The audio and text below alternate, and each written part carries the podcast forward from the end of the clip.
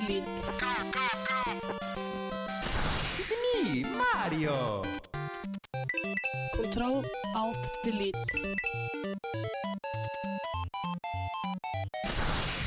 Unable to comply.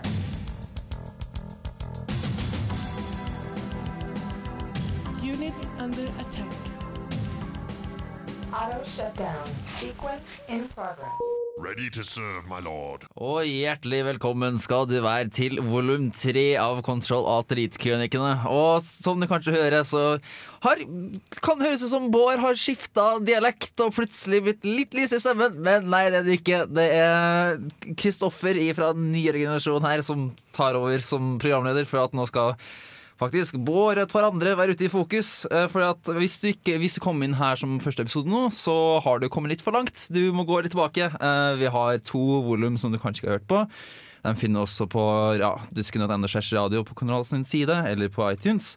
Eh, For nå skal vi ta for oss nemlig ifra, for Nå går vi bort fra Truls, Kobro og Khalid, og vi går over til høsten 2010. Og vi starter ganske kjapt med Erik Vibe, som plutselig kom inn i studio. God dag, god dag. Hallais! Og du ble jo tatt opp eh, Det som jeg har hørt, at du var jo på en måte den som skulle ta kontroll videre i høsten 2010.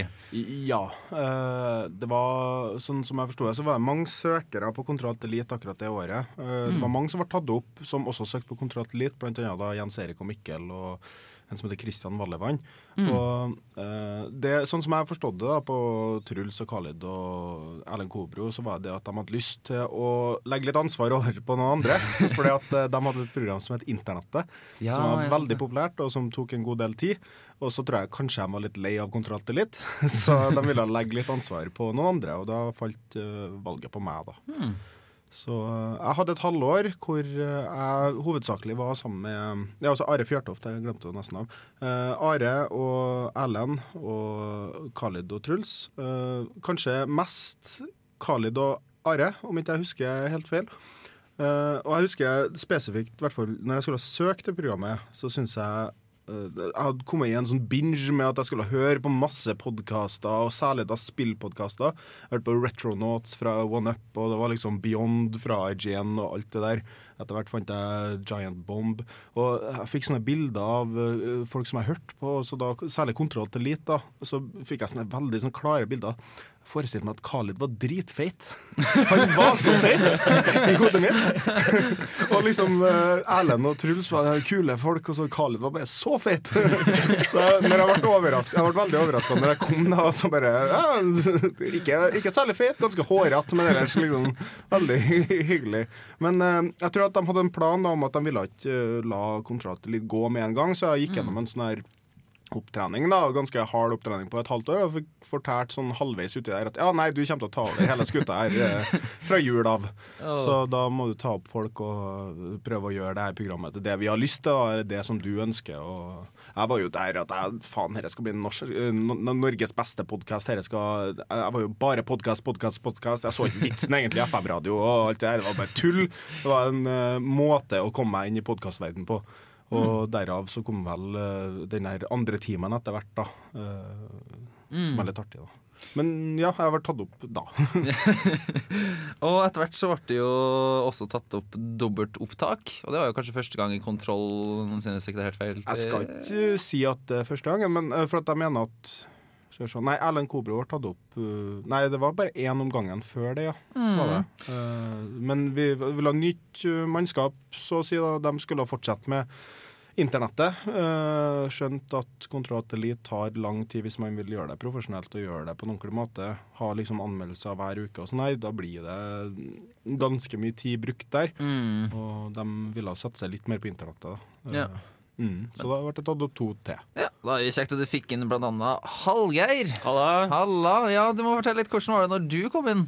Ja, når jeg ble uh, tatt inn, så for det første ble jeg veldig overraska over at en Erik bare har vært der et halvår. For han var jo skikkelig sånn uh, Hva skal jeg si Farsfigur for hele programmet. Han var jo superrutinert og uh, på en måte var veldig sånn hadde alt på stell, og bare, så fikk jeg høre at han bare vært der et halvår. Så tenkte jeg wow, hva er vi kan få til om et halvår, hvis, hvis Erik er blitt så flink. uh, men vi ble nå tatt opp, jeg og Bård, og det var jo storveis da. Vi har jo på en måte Dataspill hadde jo vært, vært en eh, ekstremt stor del av livet mitt frem til da, og ble jo kanskje bare enda større del etter det. Uh, og vi prøvde jo, som en Erik sier, da, å og på en måte få til et veldig bra produkt. Så vi, vi leverte jo styggmange anmeldelser egentlig til at vi bare var tre. For jeg tror at vi hadde faktisk en anmeldelse omtrent hver uke. Ja, jeg tror faktisk vi hadde det. Eh, hvert fall, Jeg husker flere semester hvor vi var Jeg ble bare så stolt for at vi fikk det så bra. eh, Så mye anmeldelser og så mye saker hele tida. Ja, og, og det, det, var noen, det var noen ganske heftige spill som kom ut på den tida. Altså, det var, jeg husker det første spillet jeg spilte, det var uh, Two Worlds 2, og det brukte jeg Jeg tror jeg brukte faen meg tre uker eller noe sånt jeg på å gjøre det ferdig. Det, var så langt, og det var jo Mass Effect 2 og Dragon Age 2. Og, så nei da, det ble eh, det- Studiet gikk ikke så bra den, eh, det semesteret. Og sistemann som også kanskje studiet ikke gikk så bra for etter at han ble med i er jo også Bård som var med på samme opptaket. Ja, og de karakterene datt ganske raskt ned, altså. Det, jeg fikk en A semesteret før, og jeg har aldri fått en A noensinne igjen. Så ja! Kontrollt litt! Wow! Men jeg, jeg kjenner meg faktisk ganske godt igjen i det Vibe snakka om, om å ha hørt masse podkast. Fordi at eh, da noen tok og tipsa meg om at de burde ta og bli med på eh, radioprogrammet Kontroll, så var jeg sånn eh, Radio, det er gammeldags! Ah. Men så har jeg hørt så masse podkast. Jeg var spesielt glad i IGN sin Gamescoop. Og så hørte jeg litt på podkast og var sånn Ja, dette kan bli bra podkast. Hvis vi bare fokuserer mer som podkast enn radioprogram, så da, så derfor søkte jeg, og så ble jeg veldig glad for å finne ut at uh, vi ble kjært i samme rekka. Cool. Og ja, og som Hallgeir sa, han var the allfather da vi ble tatt ut. Men jeg, jeg var jo litt eldre òg. Jeg tror kanskje, for at jeg var jo like gammel som liksom, dem som tok opp meg. Mm. Så det ble litt sånn uh, diskurs der, da, på en måte. Men uh, Kom vi i sånne ungefora, Ja. ja. unge hingster med Kommer dere jyplinger inn i mitt studio? Nei, men uh, Det som jeg syns var litt artig med akkurat det opptaket mitt, som jeg tok videre til deres opptak, og som har blitt tatt videre, var at jeg fikk uh, Khalid sa Hei, ta så lag en introsak. Bare noe, lag noe som er der- deg. Ok. Og det kom ikke før eh, Det var Khalid som foreslo det til meg, da, for at jeg tror ikke de, to, de andre opptakene har ikke hatt noe tilsvarende. Men det er en tradisjon som har blitt ført videre, og det syns jeg er kjempeartig. Så det er der det kommer fra. Aha.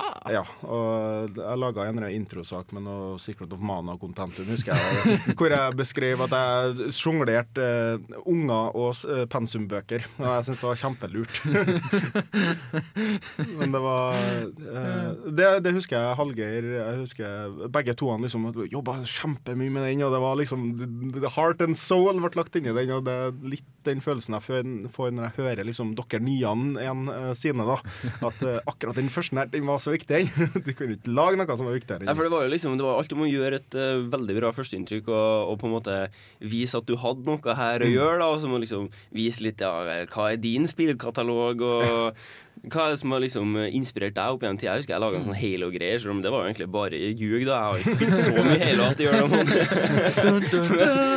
Og likevel så var du vårt alibi for Halo i kontroll. Ja, ja, ja, ja. Hver gang Halo kom på, ja, ja, Ja, det ja, jo det- Vi ble jo Jeg synes også det året jeg var tatt opp, så var det jo fire andre som hadde, eller tre-fire andre som hadde søkt på akkurat samme stillinga. Så akkurat den første kvelden hvor vi alle sammen skulle møtes, som har blitt ny da i Radio Revolt, så ble jo jeg utspurt. Ja, sant, av jeg samtlige. Jens eh, Erik Jens Waller og- Waller, Mikkel Ja, Berg, Mikkel Berg, ja. og Kristian Vallevann. Alle sammen. I løpet av kvelden så var alle sammen Jaha, ja. Så du har tatt opp i Kontroll til litt, ja. Hva var den første konsollen din? Det var sånn. Så jeg måtte i løpet av hele, hele den kvelden forsvare min posisjon i Kontroll til litt. Da. Men er Erik Vibe, hva var den første spillkonsollen din? Det var en Amiga. Shit, ja, da slår du meg. Og Veldig før det så hadde jeg en Atari. Jeg er ganske sikker på Eller etter, jeg husker. En av dem sprengtes. Så gammel er den. Er du liksom 40? Ja, jeg, jeg, jeg er 40, faktisk. Men hva introsaken din var? Hm? Det er introsaken din, har jeg ikke hørt noe om. Den eh, Nå husker jeg ikke. Jesus Christ, det er lang tid siden nå. oh. uh, Du snakka om at uh, du, du fikk deg jobb pga. Metal Gear Solid. Uh, Ja, det stemmer. Uh, fordi at jeg satt på jobbintervju for Game, og under intervjuet så fikk jeg en melding, og da gikk både jeg og butikksjefen for mobilene våre, fordi at vi begge to har codec-lyden til Metal Gear Ah, som ja. meldingslyd. Cool. Det jeg også syns var litt uh, artig, for at det ble veldig sånn Når jeg skulle ta opp Bård og Hallgeir, uh, så hadde jeg bestemt meg for at nå skal vi kjøre hardt med en gang. Nå skal vi herre og herre og herre skal være med i hvert program. Og da blant annet kom f.eks. det her uh, nyhetsstikket kom tilbake. Det hadde ikke vært med når eh, Hallgeir og Truls og gjengen hadde Kontroll Elite. De var Khalid, veldig sånn ja, Nei, eh, Khalid, Khalid ja. Eh, fordi at de var veldig sånn nei, De tok det egentlig ganske på sparken, for at de hadde internettet etterpå. Og de gleda seg egentlig mest til internettet, tror jeg. Eh, og det var et kjempeprogram. Gå tilbake og hør på det. Det er råartig. Og det kan ikke bli laga i dag, eh, på en måte. Eh, det var veldig sånn period piece. Men i hvert fall, ja. eh, vi fikk nyhetsstikket tilbake som en sånn fast fikstur. Og så hadde vi ukas anmeldelse var så å si hver uke. Og hvis du ikke laga ukas anmeldelse, så skulle du enten klippe podkast eller lage en retrogamer eller noe annet slags uh, greie. Og Retrogamer hadde vært en sånn fast spalte hele tida, men jeg føler at vi liksom tok den litt tilbake igjen. Og jeg syns det er en fin måte å bli introdusert til dem som er med i programmet på. For at det sier litt om din spillbakgrunn og litt sånn der, da. Sånn En ting som jeg i dag ikke helt klarer å forstå når jeg ser tilbake til tidlig Kontroll og Alt litt som vi var med på, er hvordan vi fikk tid til alt det der. Fordi at vi har så masse innhold. Og i starten så var vi kun én time lang. Ja. Det er liksom Når jeg er med på andre program som kun er én time, bare sånn Jesus Christ, så knøttlite tid folk har! Jeg husker ikke når vi begynte med andre timen. Det Eh, var eh, i 2012, mener jeg. Nei. eh, jeg høsten 2011, var jeg. Ja, Jeg tror jeg jeg mener sjekker det. etter. Jeg, jeg tror vi, vi begynte med det ganske tidlig, yeah. for, at vi, for at vi så veldig ofte at det ble eh, Alt for lite tid, ja. alt for lite tid, og at vi begynte å gå litt på overtid. Og, Så ja, vi, vi, vi fikk det inn veldig tidlig, og, og vi hadde jo veldig store planer for det Ja, ja, ja. podkasttimen. da. Det, Det var ble jo litt vel grandios, kanskje, for at uh, Radio Revolt er jo det skulle være tema hver uke, ikke Ja. sant? Og det, Og vi skulle ha ah, under Altså, vi skulle lese oss opp, vi skulle liksom ta med tematisk musikk. Og så det der ble jo én time til med kun snakking, så å si. Eh, Vi skulle ha kanskje fire låter. For at jeg hadde jo hørt på sånn Giant Bombcast, som er en podkast som varer ofte i tre timer. Og de, de har én pause. Det, jeg skjønner ikke at det er menneskelig mulig. Du må eh, Ja. Men dem, eh, og da liksom Herre må vi få til. Vi må få til noe sånn her. Herre syns jeg er kjempeinteressant, og det blir så bra liksom podkastmateriale av det. Og vi, vi laga bra podkaster, det gjorde vi. Og tematikken var litt sånn ja, noen gang, men uh, vi klarte å prate oss rundt det, på en måte. Uh, og vi hadde veldig sånn Jeg syns det var litt artig at vi hadde uh, våre spillområder. Det var ikke så mye som uh, kryssa over til hverandre. Bård var litt mer på indie og den typen litt sånn sære spill. Og der, noen ganger så liksom Japan har jo en god del der. Yeah. ja. Japan der- er innebygd sært. Ja, jeg var mer Japan-mann, og han, eh, Hallgeir var mye eh, sånn rollespill, både sci-fi og fantasy. da, Både Two Worlds og Mass Effect, på en måte. Og jeg syns det var veldig artig at vi hadde uh, blanda. Og eh, Are, Are, jeg glemmer Are. Are er sport. veldig ja, greit å bare kaste sport på Are. Strategispill. eh, Og etter hvert mobilspill, og det syns jeg var kjempeartig. For Ja. at det, det er noe dere har tatt opp igjen nå, øh, vet jeg. Uh, som jeg egentlig var Nei, det er ikke Skit. Lommerusk!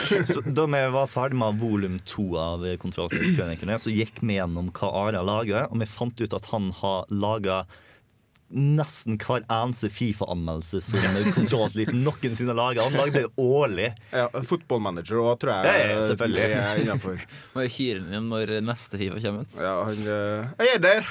Kommer bare tar flyet. Ja, greit, det. Om eh, fem minutter kommer Men det er jo bra at vi nevner for så vidt også, for at han- var jo med en god stund også mens dere holdt på, var han ikke? Are ble jo den som øh, hadde mest erfaring. Øh, men så har han jo også en veldig sånn her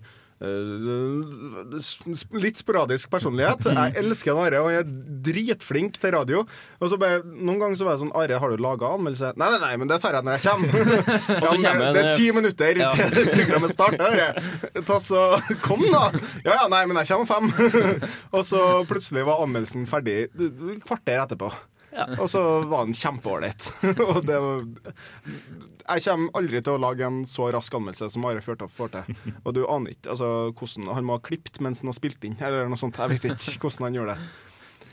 Det er litt som vi sa da han var nå i eh, volum to, at når Are var i studio, så følte vi alltid trygg. Fordi at du kunne alltid kaste ball til Are. Ja. Det var sånn, Uansett hvordan du sleit med ordet, bare så sa Are, og så Are best Han har noe å si. Han bare prater skit som er underholdende å høre på. Jeg husker han brukte å si at øhm, han har enten spilt eller sett alle spill som finnes.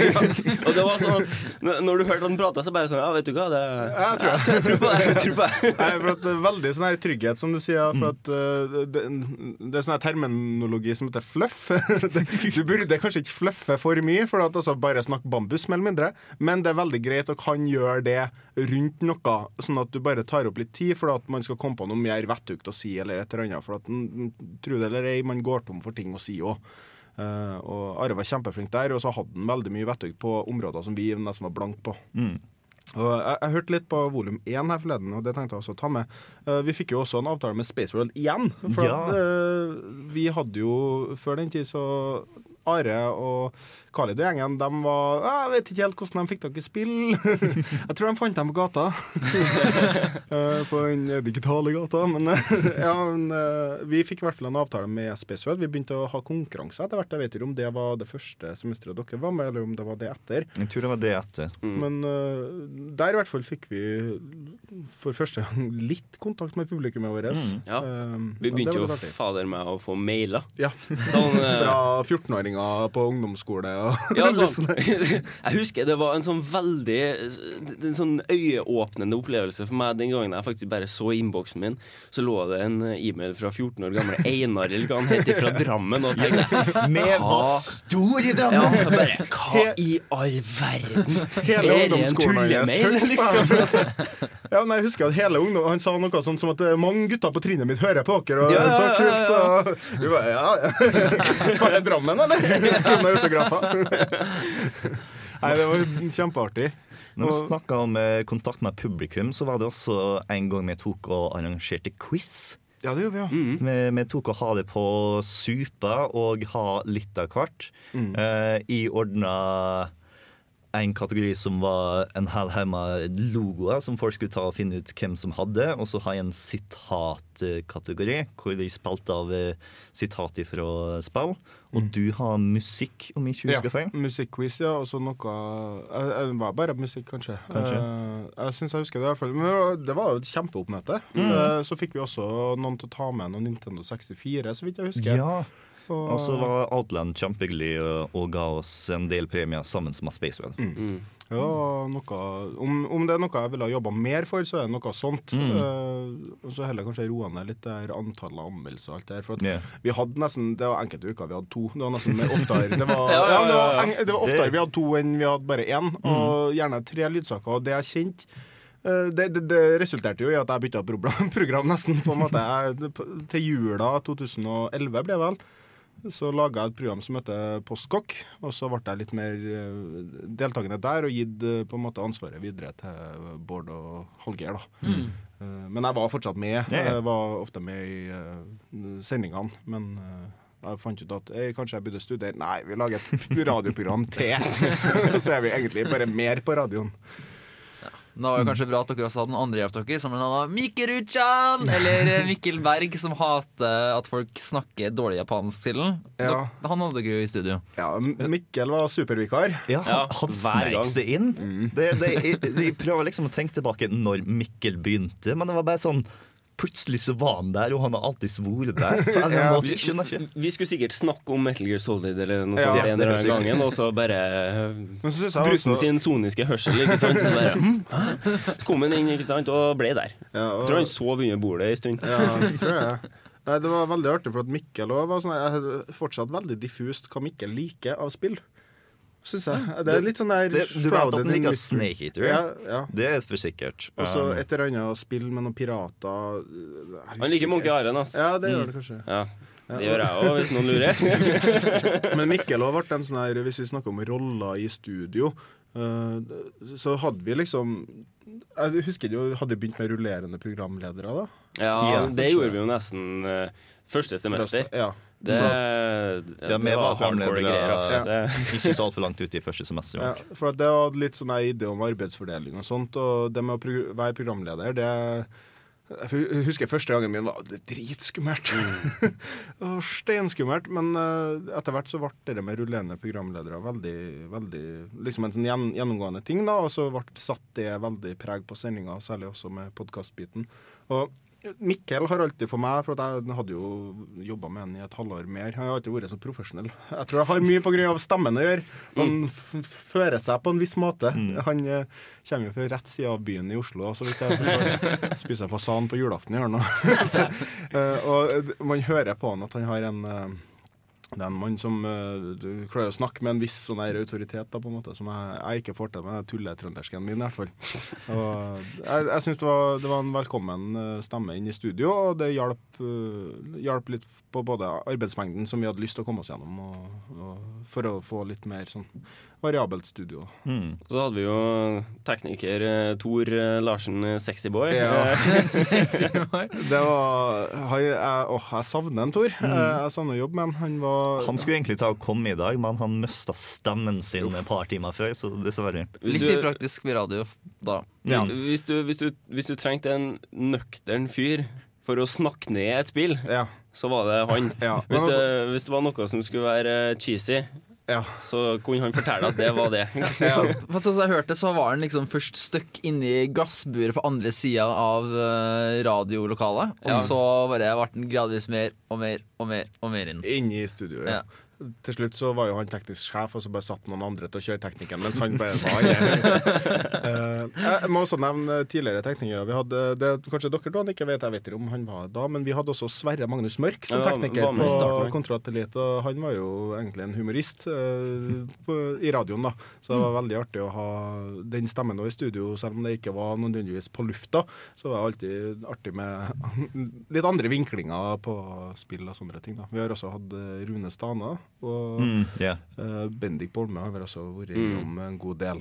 Og noen fine teknikere. Vi har vært heldige med teknikerne i Kontrollatelitt. Jeg glemmer sikkert noen, men men ja, uh, uh, Sånn, To Larsen sekser, og Mikkel er liksom motsatt side på skalaen på hvordan de snakker. Fordi at eh, Mikkel snakker veldig masse og veldig løst, og det er veldig ofte at han kan snakke en god del, og du bare legger merke til hva er det han egentlig snakker om. Mens Tor Larsen 6 er på den andre sida. Han, han velger ordene sine veldig forsiktig, er veldig klar, snakker rett fram. Og når den er ferdig, så er den ferdig. Og så plutselig tar det en overraskelse at den er ferdig med setningen. Å ja, å ja, men, men, men skal snakke videre nå. Hadde du noe mer å si om det, Tor? Nei. Ok, ja, eh, Da går vi videre i, går vi videre i programmet. Eh, men det var veldig også, Vi gitt jo også Tor litt ansvaret for alt grafisk og hardware og sånne ting. Når det gjelder spill, han kunne kommentere om det var en ny grafikkmotor, eller om eh, det var liksom eh, herre, en så og så sterk PC man har for å kjøre herre, og alt sånt der som vi egentlig kanskje brydde oss så mye om, eller ikke kunne noe om, hadde han helt koll på. Han, eh, altså det var veldig greit å ha det aspektet òg inn i studio. Og hvis det kom noen nye Specs til noen PC eller noen nye grafikkort, så ville han gjerne ha et stikk om det, og det fikk han jo òg. selv om vi bare hørte sånn teknobabbel, på en måte. Så, så bare Ja, ja, nei, men da har vi fylt tre minutter, da. Neste Kul låt, liksom. ja, men det var kjempeartig. Og han har laga en god del anmeldelser. Han lagde tre stykk, fant jeg ut. Jeg sjekka eh, kjapt før vi begynte. Han anmeldte Kingdoms of Amalur Reckoning, Uncharted 3 og Battlefield 3. Eh, nei, det var kjempeartig. Og Vi, det var jo alltid fullt inn her. Ja. Det lukta så gæli Det, det hjalp ikke at vi kom rett etter Globus. Nei, jeg vet ikke hva. Også et manneprogram, Globus. Ja, Ja. det var utenriksprogrammet til Radio Revolt før. Eh, Anders Måsund. Mm. eh, Sigmund Bolme. Yeah. Og eh, hva heter han? Knut Knut, eh, Åshammer. ja. Eh, sikkert flere som jeg kommer på i farta. Ja, Etter hvert så var det Vanja med der. Mm. Hun ble tatt opp der. Eh, og det, det var et sånn der begrep som het globuslukta.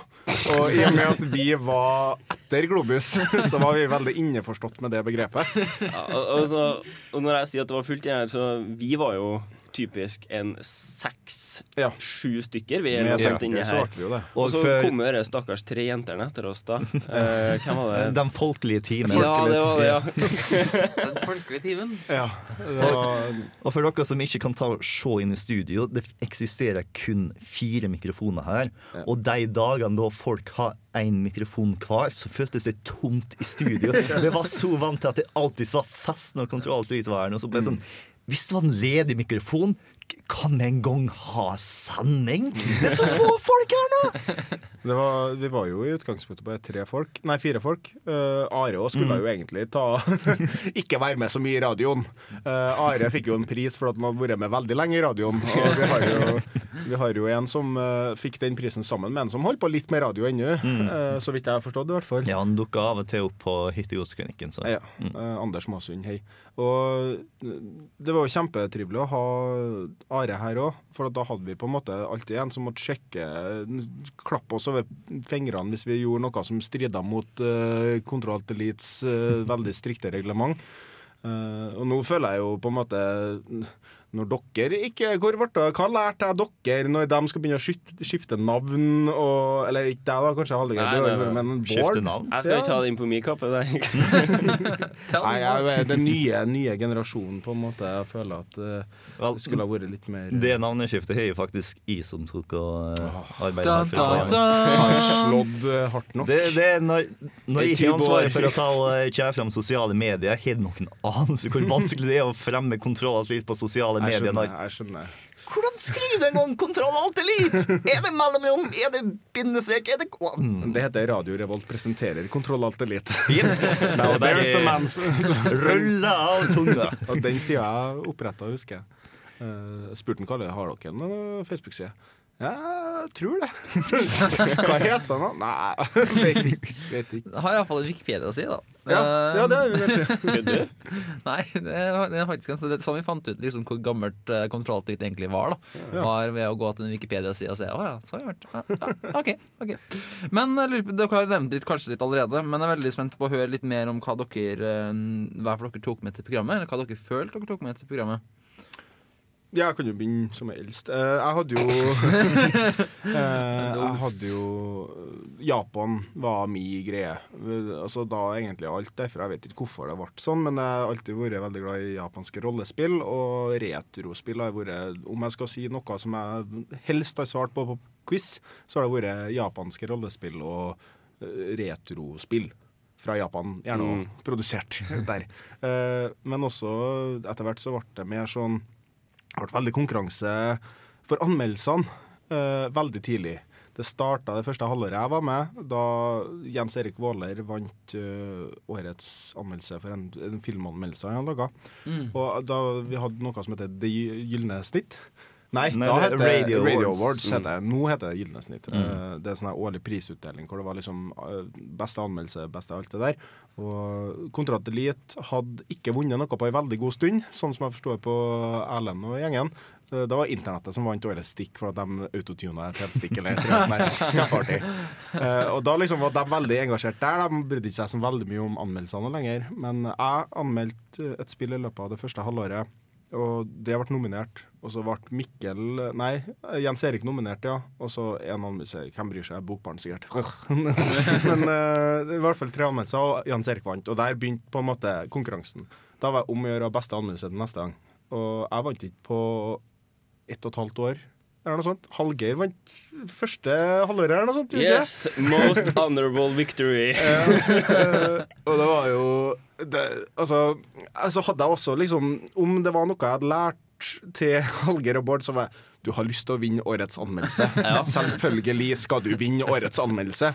Og, og da ble det veldig kultur for å lage etter hvert veldig eh, spesielle anmeldelser. Eh, veldig sånn her Stemning var viktig. Åh, hvordan høres dette ut? Og veldig Skal det sånn være her- humor, eller Ja. skal det være action? Ja, og vi, jeg brukte så mye tid på anmeldelser, og det ble sånn Du la sjela di i det. Mm. Og så husker jeg tilfeldigvis så fikk vi en anmeldelse av en som hadde vært med vet du, om jeg hadde vært med i Kontroll til Elite før. Men han heter Håkon Berg Mathisen. Vi fikk yeah. bare tilsendt sånn Her er anmeldelse om eh, Hva var det? Half-Life 1. Half- Half-Life 1. Så han hadde vært med i radioen for lenge siden. Vi hadde ikke hørt noe, visste ikke hvem det var egentlig. Og så bare Her spiller jeg en på kontrat litt, og vi bare Oh my god. Så bra! Hvorfor er ikke laget vi sånn? Men vi, vi, etter hvert så fikk vi steingode anmeldelser. Og det var ei vending hvor det var kontrat litt som vant årets anmeldelse hele tida. Og Bokbarn ble dritsur. Og Jens Erik ble med i Kontrat Elite. så det sier jo litt om hvordan det gikk med Filmofil sine anmeldelser. Nei da. eh, men eh, det er i hvert fall Jeg husker masse anmeldelser. Jeg husker hvor viktig det var å lage en god anmeldelse når man først fikk liksom Det ble veldig sånn her jag om å ta de spillene hvor du hadde de beste lydklippene, for at du visste at det spillet, sånn som Borderlands og sånn, det er sånn gold mine. Det er sånn ah, Jeg vil ha det spillet, for at det er så mye bra jeg kan ta derfra, og jeg vet hvordan stemning jeg skal sette med en gang. Og sånn der. Og det, det, det gjorde til veldig gode lytteropplevelser, tror jeg. Har dere noen på Vel, problemet mitt er at de ennå ikke har vunnet årets Har du ikke? Nei. Det kom ikke jeg på. Og i hele tatt det kjempa så lang tid for det! Fordi at eh, da jeg forsto at eh, anmeldelse var en ting som var viktig, så tok jeg og gjorde det til en regel for meg sjøl at hver gang jeg tenker å lage en anmeldelse, så skal jeg gjøre noe jeg aldri har gjort før. Og det førte til en god del anmeldelser som jeg ble veldig fornøyd med, men som aldri helt vant. Eh, For eksempel, en av favorittene mine er anmeldelsen av eh, The Legend of Zelda Ocarina of Time til 3DS, hvor, som er favorittspillet mitt ever. Og jeg kunne jeg liksom ta anmelde dette når det var favorittspillet mitt, så da tok jeg og splitta hjernen min i to, hvor den ene var den logiske, rasjonelle biten, og den andre var fanboy-tave! Den var jeg veldig fornøyd med, og så Fast and Light syns jeg var stem. ja, Fast and Light, som var eh, radioteater til å begynne med. Eh, jeg tok eh, Det ble og- mye radioteater etter hvert. Ja. Eh, ble det. Mm. Og så bare det å finne ut tekniske ting. Jeg tok eh, eh, det som jeg faktisk vant på, eh, som var første semesteret mitt. Clutch? Nei, eh, kronikk. Nei, kronikk, kronikk, mener jeg. Jeg tror faktisk dette var den eneste gangen kronikk var en sjanger ting, ja, som kunne vinnes. Du fikk vel også påpekt på at det her er ikke en kronikk. Nei, nei. Eh, nei, nei, nei. Kronikk var det. Det var bare det at dette burde ikke vinne. Det var bare det at juryen jeg var veldig heldig med juryen fordi at juryen var spillinteressert nok. Og satte seg ned og googla litt og bare sånn Holy shit, han har rett. Fordi at eh, jeg lagde en kronikk om hvordan absolutt alle spillcover er kliss lik. Fordi at de har alle sammen er hovedperson med favorittvåpenet sitt fremfor den mest generelle bakgrunnen, og så har vi bla, bla, bla, bla. Det var eh, utrolig bra, faktisk. Ja, det var utrolig bra. Jeg Kan godt spille den av en gang om. Og så eh, tok jeg og lærte meg å eh, høre musikken samtidig som jeg snakka. Noe jeg ikke klarte å gjort i en scene, fordi at jeg tror det er andre teknikker. noe sånt. Men jeg fikk i hvert fall tatt og snakka i takt med musikken, og det var veldig kult. Så eh, bare det å utfordre seg sjøl kreativt med radiomediet var det som betydde noe for meg når det kom til anmeldelse. Men jeg tror jeg kanskje spora oss av litt, for det var vel hva du Men vi kan jo ta anmeldelsene Ja, jeg ville bare egentlig bare si en ting om, eh, om anmeldelsene til Bård. jeg, Og det, jeg tror at det er litt sånn som Van Gogh-maleri. ikke sant? Han var jo, eh, Hvis det var han, da Nå er ikke jeg noen stor kunstkjenner. Ja, Men, men uansett, altså at uh, han var fattig mann mens han uh, mala, og fikk ikke solgt maleriene sine for sitt, ikke sant? Men sånn uh, I ettertid. ikke når han levde, 200 år etterpå, eller noe sånt, så liksom bare wow, shit, ass. Bård vinner Radio Awards eh, 2022. Ja, ikke sant, ikke sant? Det, det som irriterte meg mest av alle som jeg ikke vant på, var da i Anna til Hotline Miami. Ja, den var fin. Fordi at den Hotline Miami fikk meg til å føle meg veldig freaka out. Og eh, en, eh, en av tankegangene mine bak anmeldelsene mine var at jeg skulle ta og videreføre den følelsen jeg får av spillet, til de som hører anmeldelsen. Noe som ikke var det beste i verden, fordi at jeg hørte fra de som satt i nominasjonsjuryen, og hørte gjennom alt som ble nominert. Og bare sånn, nei, denne var for freaky. Jeg klarte rett og slett ikke å høre på den, så jeg likte den ikke. Derfor så ble den ikke med. Så, God damn it! Det var poenget! Why? Ja ja.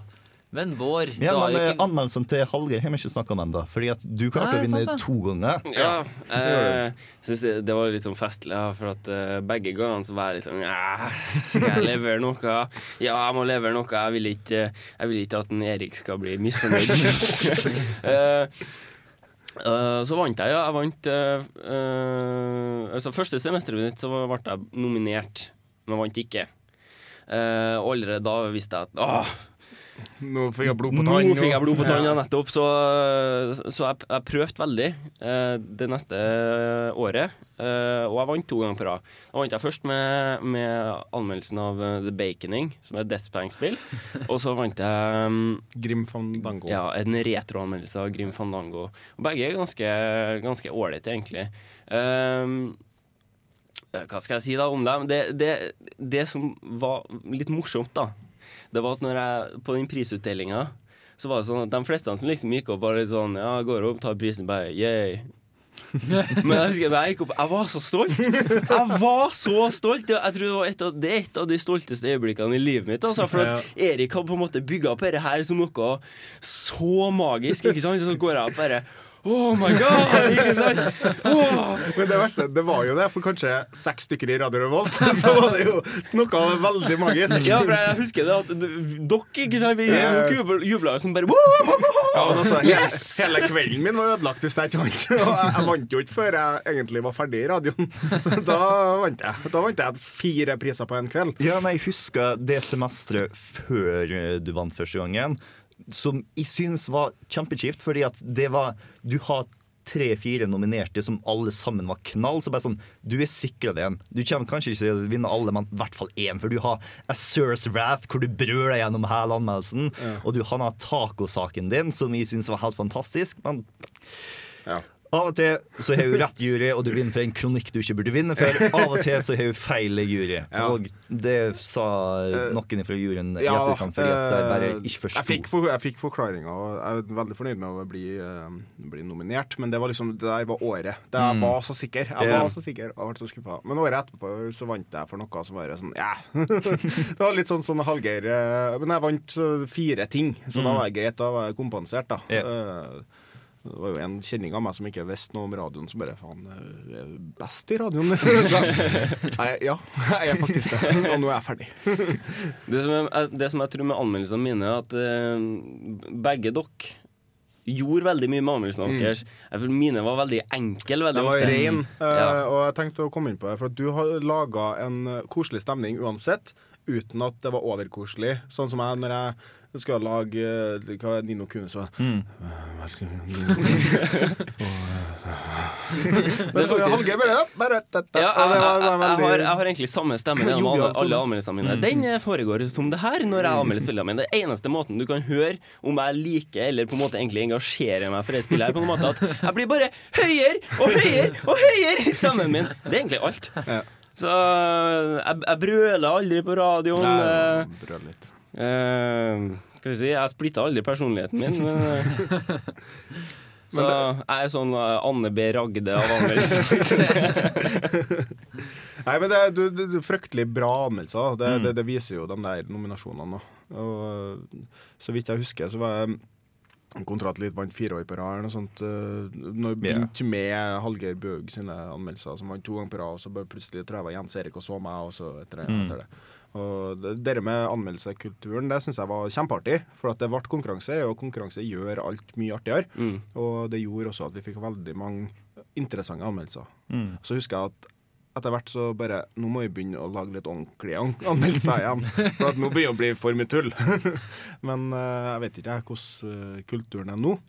Men uh, håpet er jo i hvert fall at uh, noe både i den konkurransedelen og at uh, det går an til å lage anmeldelser på andre måter enn f.eks. Uh, P3 gjør. da. Mm. Og det er litt av poenget, yeah. syns jeg. at det skal være. Med studentradioen for å eksperimentere med radiomediet. Men for å gå litt fra det anmeldelsesavsporingen og over til det dere tok med til Ja, ja, Ja, for, som dere kanskje har lagt merke til i begynnelsen av dette volumet, veldig masse av det vi betok meg til framme, var struktur.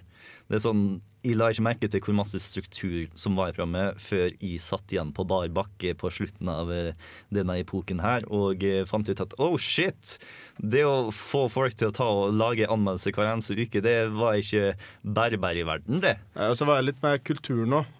Fordi at vi, Jeg kom jo fra en kultur som kanskje var litt sånn Jeg var supergira. Jeg tror det var det som fikk meg til å få lyst til inn i det nye året, da når dere var tatt opp og bare sånn Nå skal det være sånn her. Og så var dere veldig med på det, yeah. og det hjalp veldig. Eh, du ofra jo studiene dine. og eh, Are, Are før det laga ikke sånn kjempemye. Han laga mye da òg, men ikke, han hadde én sak i uka. Hadde han. Og det å klare å applye Are Fjørtoft til å liksom lage en sak i uka, og han er med på det Jeg ble så stolt. og det var liksom, vi hadde overveldet av saker. Eh, Det var kjempebra. Jeg er forbanna fortsatt for at vi ikke vant årets eh, program, for det er den andre gjeve prisen. Eh, og det, ene halvåret her så vi var så tight. Jeg tror det var det halvåret vi begynte med podkasttimen. Ja. Da mente jeg at det året skulle vi ha vunnet, men det året kom også karer fra Sahara, tror jeg. Ja, vel. Eh, eller noe sånt. Jeg tror det var Karin fra Eller så var X-Fill-losen. For det var i hvert fall noe sånt Ja, Ja, det var det sikkert. Og, Men ja. for vi vant nå for dette semesteret, så vant vi årets program. Å ja, ja. Gratulerer. Og Oi, jeg, nice. jeg, jeg føler at vi ikke gjorde det semesteret her var ikke det semesteret vi burde ha vunnet på.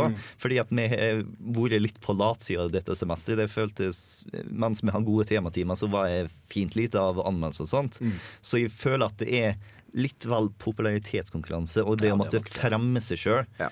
For jeg tror at dersom vi har tatt og bare fått fram til alle sammen hvor tight alt sammen var, hvor fantastisk det semesteret var, så har vi kanskje gjort det bedre i de prisene. Ja, det var veldig sånn Det er sånn folkepris, alt som stemmer, og alt det Mm. der, så det blir jo veldig vanskelig å vinne. Uh, men jeg husker at dem som vant, det var en av de der liksom høydalene til ja, ja. Radiorvalg på den tida. Og så hvis det var Karer fra Sahara, eller hvis det var X-Fill-losen, så skjønner jeg at vi tapte. Ja, det- det er kjempebra Det finnes verre program å tape imot. Ja.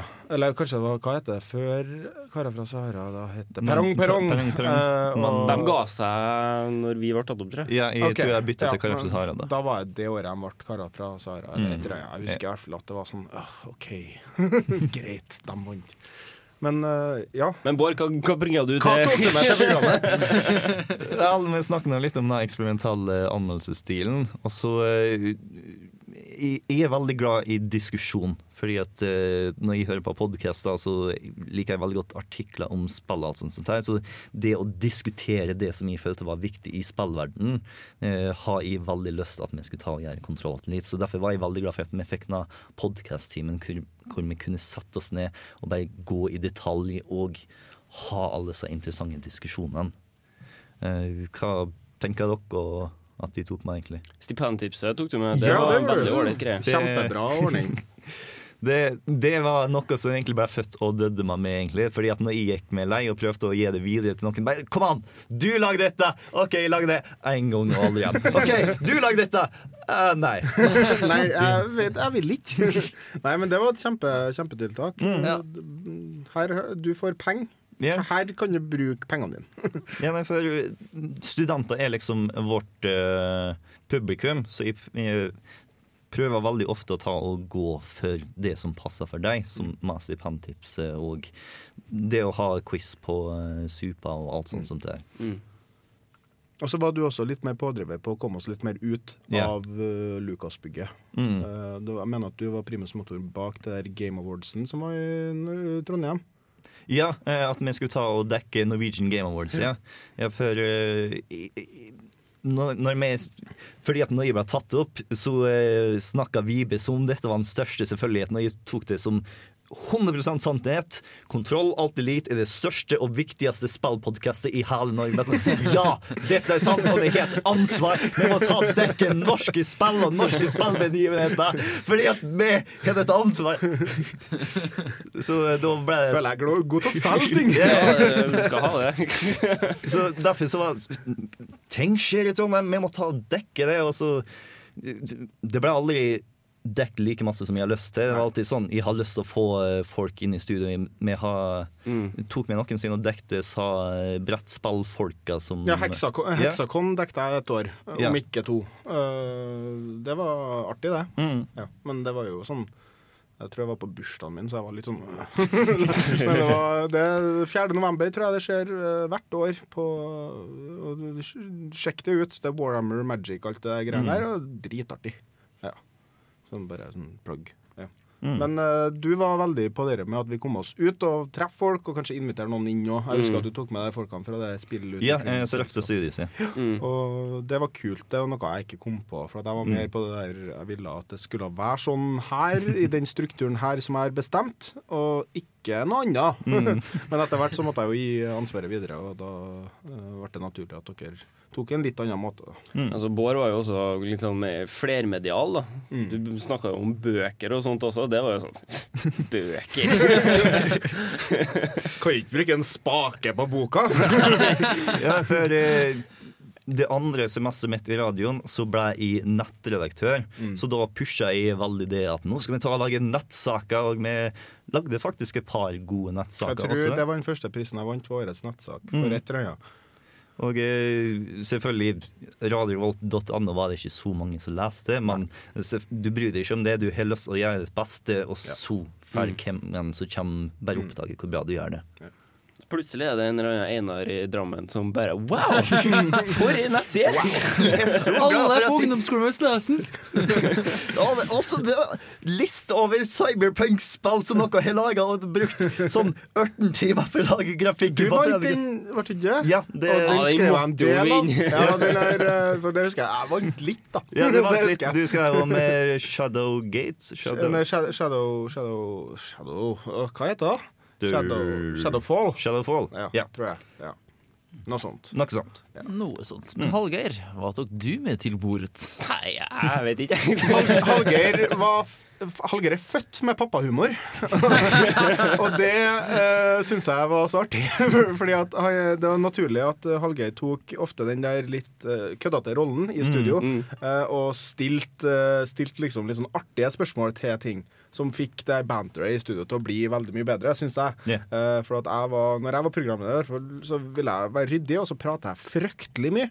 Gjerne om ting bare jeg bryr meg om. Og da er det greit å ha noen til å kutte inn og på en måte snakke om noe annet. Uh, og da syns jeg Håge var kjempeflink. Og så tok han spill som jeg ikke nødvendigvis eh, var så gira på, eh, og hadde jeg husker åpningssaken din, så sa du på Character Creator på Mass Effect så fikk jeg lov til å sette akkurat de føflekkene der jeg ville. det var, det var Hallgeir sitt eh, ansvarsområde. Ja, nei, for Jeg og Vibe kunne gjerne ta og diskutere ganske seriøse tider i podkast-timen. Så da syns jeg det var veldig fint å ha Hallgeir der nå. Fordi at Hallgeir var liksom en joviale og artige. Eh, Og eh, Vi kunne ha pratet et kvarter, og så har vi Skit nå i det. jeg, jeg, jeg kom faktisk litt problem med Hanna da hun ble tatt opp etter hvert. Fordi at eh, jeg så på Kontroll alltid litt, litt som Ninja Turtles, hvor vi har Ja, nødt til ja, ja. å ha alle forskjellige rollene. Ja. Og Hallgeir var Michelangelo. Eh, Så når, når jeg tok opp den neste generasjonen som nå kommer i volum fire, så ta husker ikke, men Hanna kom til med et år senere fortalte at jeg sa til henne, og hun ble veldig sur. Og jeg burde kanskje ha formulert det veldig masse bedre, for jeg sa du Hanna, det kan ikke være litt mer morsomt. Det var litt mer sånn som Hallgeir. Så da var jeg, Hva sier du? Er du singel fortsatt, Bård? Hva sånn? jeg så på det som konstruktiv kritikk. Dette så hun på som karakterdrap. Så eh, hvorfor vi er venner en dag i dag, det, det forstår jeg ikke. Nei, men jeg, jeg skjønner denne sammenligninga med at vi hadde forskjellige roller. Eh, for det òg var jeg veldig på. eh, og etter hvert så ble jeg jo sånn veldig purist på det med at nei, vi skal ikke ha rullerende programledere noe lenger engang. Nå skal det være sånn, men da for jeg jo fra før jeg begynte å krangle for mye på dere. Jeg merka på min egen del i hvert fall Jeg tror jeg var den dårligste programlederen. For at jeg funker mye bedre i en sidekick-rolle. Det merka jeg, for at det var mye lettere for meg altså, å komme inn og så si noe, kommentere noe, enn å på en måte være den som hele tida må, må legge fram ja, og så på en måte presentere ting. Eh, så Bård var jo den eh, si, av oss to, da. Altså Erik, du var jo master leader. All hail great leader. Men uh, når uh, på en måte det ble bare meg og Bård, så syns jeg det var, det var mye bedre når Bård fikk være programleder. Eh, nå må ikke jeg snakke ned meg sjøl for mye, da. Uh, men ja, noe, Men det var jo en super sidekick. Det, er ja. det har du jo fryktelig rett i. Og så noe, jeg- noe jeg syns jeg bringa til bordet, det var jo på en måte at uh, Som nevnt i sted med anmeldelsene, at jeg greide å holde programmet litt i ørene på Ja, litt hvordan, mer vi kunne, ja, vi, hvordan det redaksjonelle skulle presenteres og sånn. Og at det, det gikk an å ha litt sånn P3-stil på anmeldelsene, sjøl om det var jo ikke det mine heller, da. Nei, men det er, jo, det er jo dine anmeldelser som har kommet til å blitt spilt av på P3. Og det er jo bra, det òg, for at vi er jo ikke alle sammen supernerder. Mm. Og det er ikke alle av oss som setter pris på radioteater. Selv om eh, de seks stykkene som betyr noe i Radio Revolt, de setter pris på det. Men eh, jo, og så var jo en ting som var litt sånn festlig, som eh, Jeg husker ikke om det var nødvendigvis jeg som kom med det, men at eh, i den tida jeg ble tatt opp, i hvert fall, og i starten her, så begynte vi med topp ti-listene Ja. våre. Ja. Eh, Det var, synes jeg var veldig kule sendinger. Der Ja. fikk vi presentert veldig mye på, i podkasttimen vår, mm. som var veldig Gitt en veldig god struktur til ja. podkasttimen nå. Det gjorde det. det, gjorde det. Og, og, og på en måte tematikken som vi tok opp, eh, det, det kunne være veldig artig. For eksempel kvinnedagen, så var det eh, kvinnelige spillhelter, for eksempel. Så, Så krangla jeg og Bård 15 minutter om hvilken definisjon av kvinne vi skulle på en måte ha. Ja. ja, men Vi kan ikke ha Princess Peach, for at hun blir alltid redda av Mario. Ja, men hun representerer noe som på en måte tar fram dama i spill, da, Kjeften din!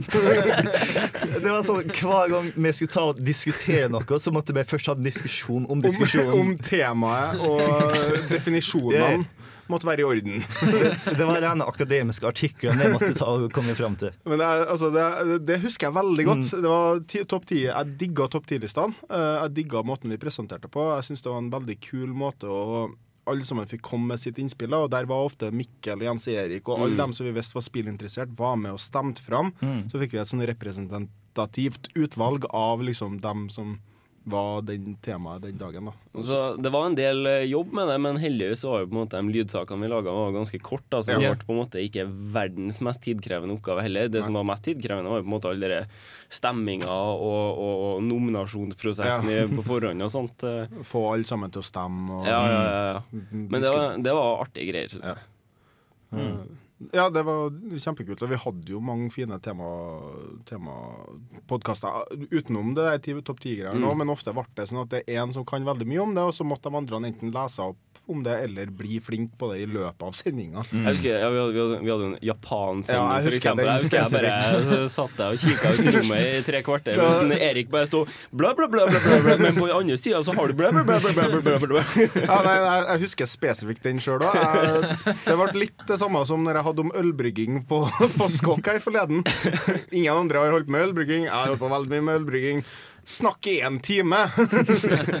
Men uh, det, det, vi, noen ganger så fant vi liksom de sweet spotene på det der uh, tematimene òg. Hvor vi var liksom Her kan alle sammen noe. Og mm. topp ti-listene var et perfekt eksempel på det. For da fikk jo alle sammen med seg en favoritt. Og kunne diskutere rundt hvorfor den var bedre enn den. og sånne der ting En annen ting som ble innført med podkast-timene, var at vi nå kunne ta og spille spillmusikk. Mm. Fordi at Før så spilte vi sånn én låt. Ja, det var én låt. Eh, Det var Khalid Assam som eh, var primus motor for å ta med spillmusikk inn igjen. Sånn som jeg forsto det på, jeg hørte det volum 1. Så Knut Sørheim de spilte liksom Ja, vi spiller Stage 2 Megaman. Bare sånn her fordi vi har lyst til å provosere musikkproduksjonen i Radio Revolt. uh, mens Khalid Assam tok fram liksom en sånn her tidbit, en sånn her godbit fra sånn Galaga eller et eller annet sånn her japansk shmup-greier som var bare Det riffa rå gitarsoloer og det var sånn der. Og liksom, her er ukens spillmusikk. Her er den ene tingen. Det er ikke fordi at vi skal provosere musikkredaksjonen, men det er fordi at den her er en jævla rå, rå låt. Og det tok vi videre til tematimene. Mm, fordi at uh, den ble ikke spilt av på uh, FM, den gikk rent på internett, så da fikk vi lov til å bevege oss litt friere. Og eh, jeg husker at eh, Jens Erik og Mikkel fortalte meg at de måtte arbeide veldig hardt for at ansvarlig redaktør skulle ta og gå med på at vi skulle ta og spille spillmusikk.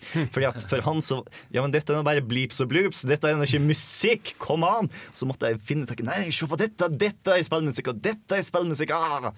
Så da fikk vi endelig spillmusikk inn i podkast-timen, og vi fikk lek det vekte min kjærlighet for spillmusikk. Fordi at uh, etter hvert så innså jeg at OK, shit, noe må finne tak i spillmusikk, så noe må være i. Og så Hei, dette spillet har kul musikk. Og så bare finner jeg ut at spillmusikk er en ekstremt interessant sjanger, egentlig.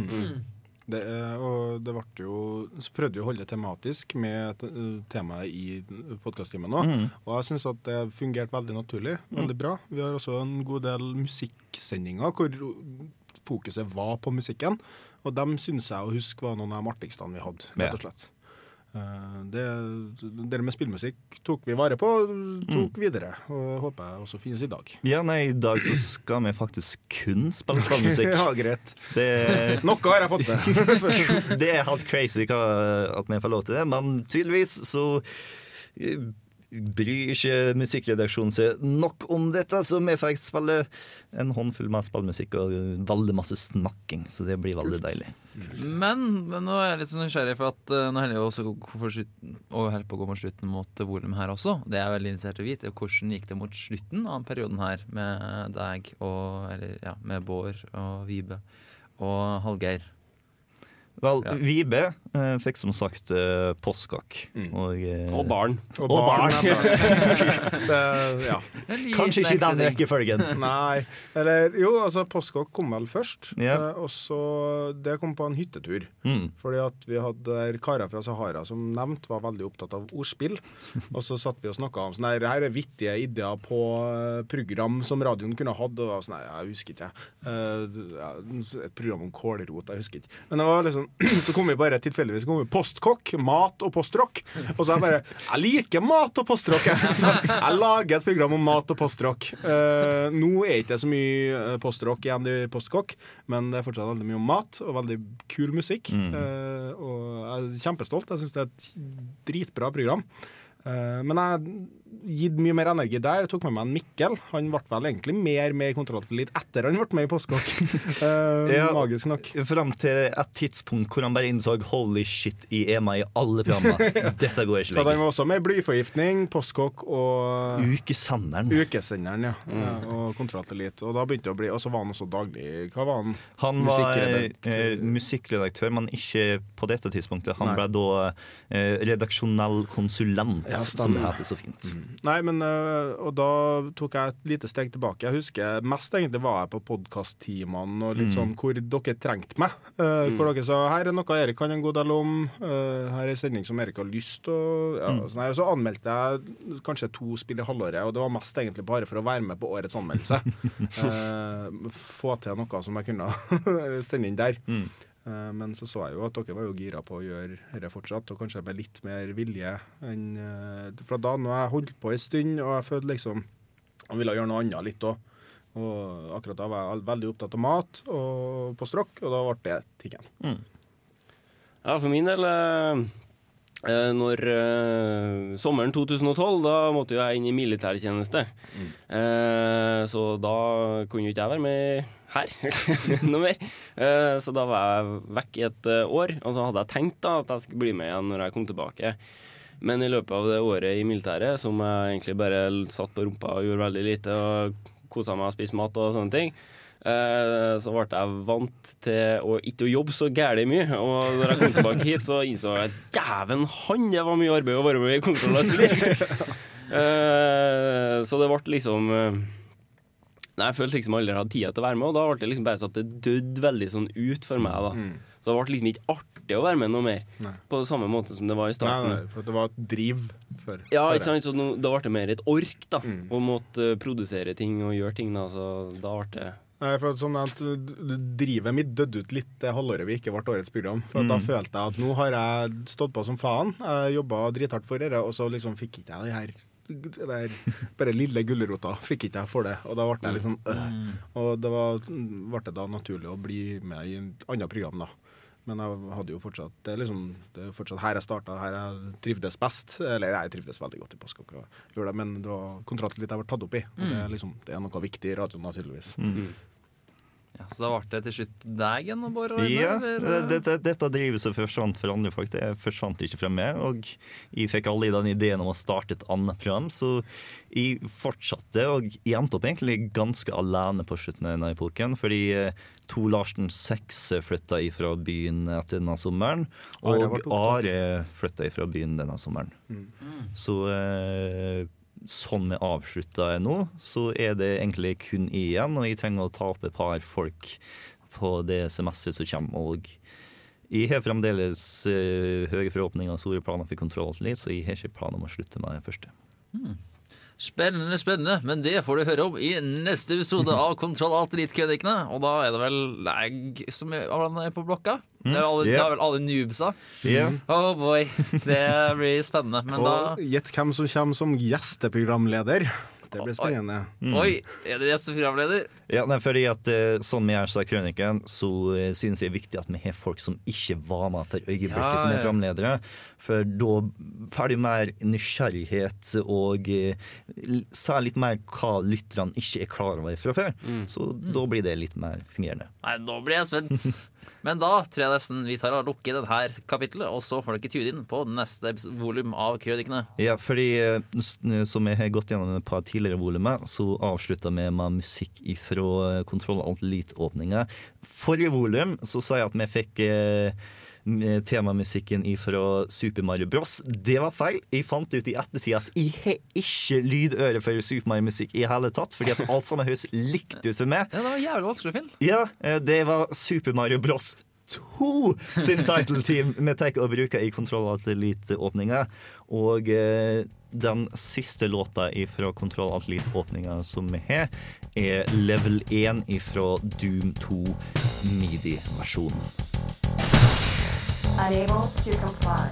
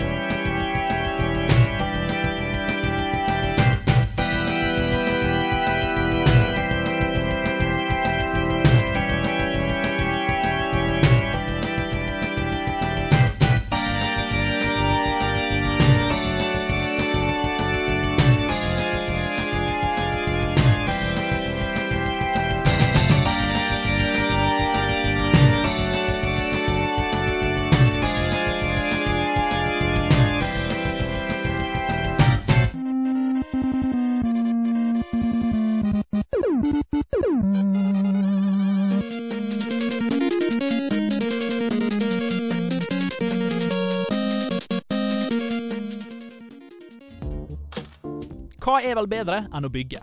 Lego har bevist det, Minecraft har bevist det, SimCity har bevist det, og nå har også Tiny Towers også bevist det. Bygging er gøy! Tiny Towers er laga av produsenten Mobag eh, Mo, Mo, Mobag Mobudge, eller hvordan det nå uttales. Og det de har laga, er et veldig gjennomført og morsomt lite mobilspill til glede for enhver smarttelefoneier. Har du noen gang vært sint? Sånn skikkelig sint? Hæ? Så forbanna at du skjeller ut noen og slamrer med døra! Så pissed off at du pælmer ei flaske etter noen og hytter med neven!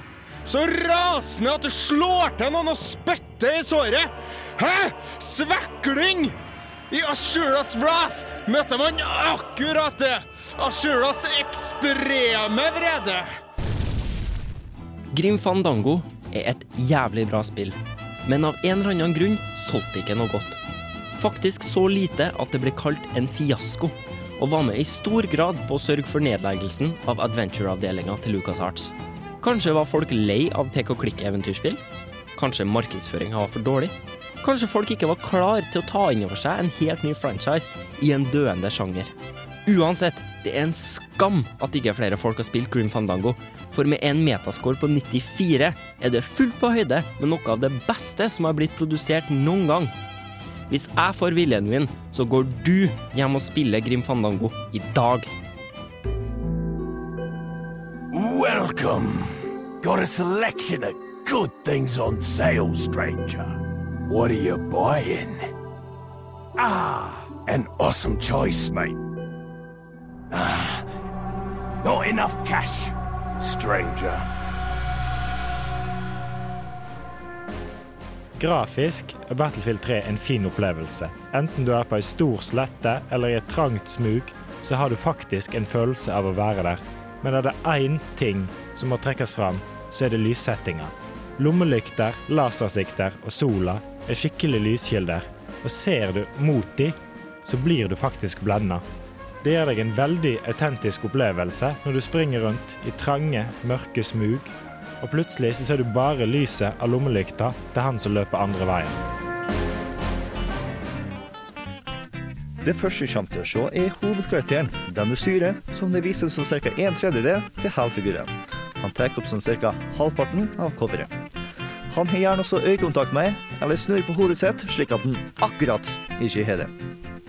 I hånda hans kan du finne tak i signaturvåpenet, eller favorittverktøyet hans, som er det første du får i spillet.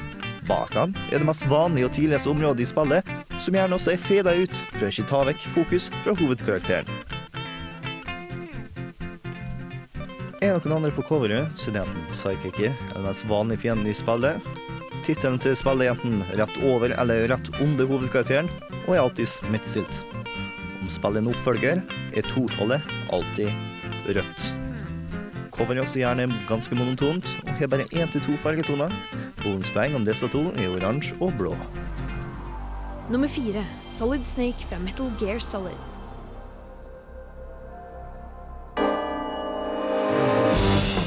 Solid og Naked Snake befinner seg på alle mine topp 10-lister, og han er alltid høyt oppe. Topp 10 barskeste stemmer, f.eks. Topp 10 gjennomførte karakterer. Eller topp 10 kvinner jeg hadde hatt sex med. Absolutt alle lister befinner han seg på. Snake skiller seg likevel ut fra andre helter fordi han er villig til å vise følelser. Ok, han er en topptrent soldat, han kan slåss, snike, skyte og se bra ut i bare overkropp, men han tar seg likevel tid til å ta vare på de rundt seg, og etablerer ekstremt gode vennskap gjennom alle oppdragene han er på.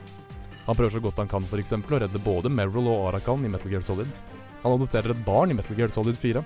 Han prøver å redde en av hovedfiendene sine i Metal Gear Solid 3, og etablerer at han er bestevennen til Arakan i Metal Gear Solid 2. Snake er en manifestasjon av lojalitet, og menneskeheten kommer alltid først.